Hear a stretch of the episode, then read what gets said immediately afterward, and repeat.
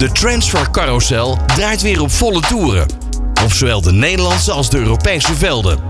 Transferrecords worden verbroken. En spelers worden verleid door megasalarissen in Saoedi-Arabië. Maar ook grote verrassingen liggen op de loer. Blijf met All Sports Radio op de hoogte.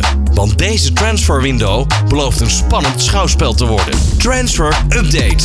Juventus wil Teun Koopmeiners na dit seizoen overnemen van Atalanta. De oude dame heeft liefst 40 miljoen euro over voor de diensten van de 25-jarige middenvelder. Ook Nederlander Mitchell Bakker zou al deze winter kunnen vertrekken uit Bergamo. AS Roma wil namelijk de 23-jarige vleugelverdediger op huurbasis overnemen.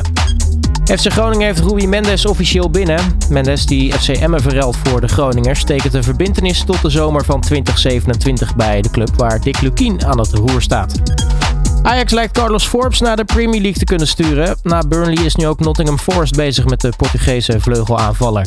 De nummer 16 van de Premier League heeft zich officieel gemeld bij Ajax en wil Forbes tot het einde van het seizoen huren. Over een eventuele optie tot koop wordt niets gemeld.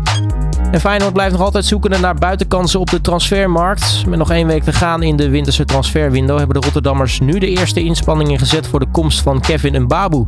De Zwitserse rechtsback komt momenteel op huurbasis uit voor FC Augsburg en staat tot medio 2025 onder contract bij Fulham.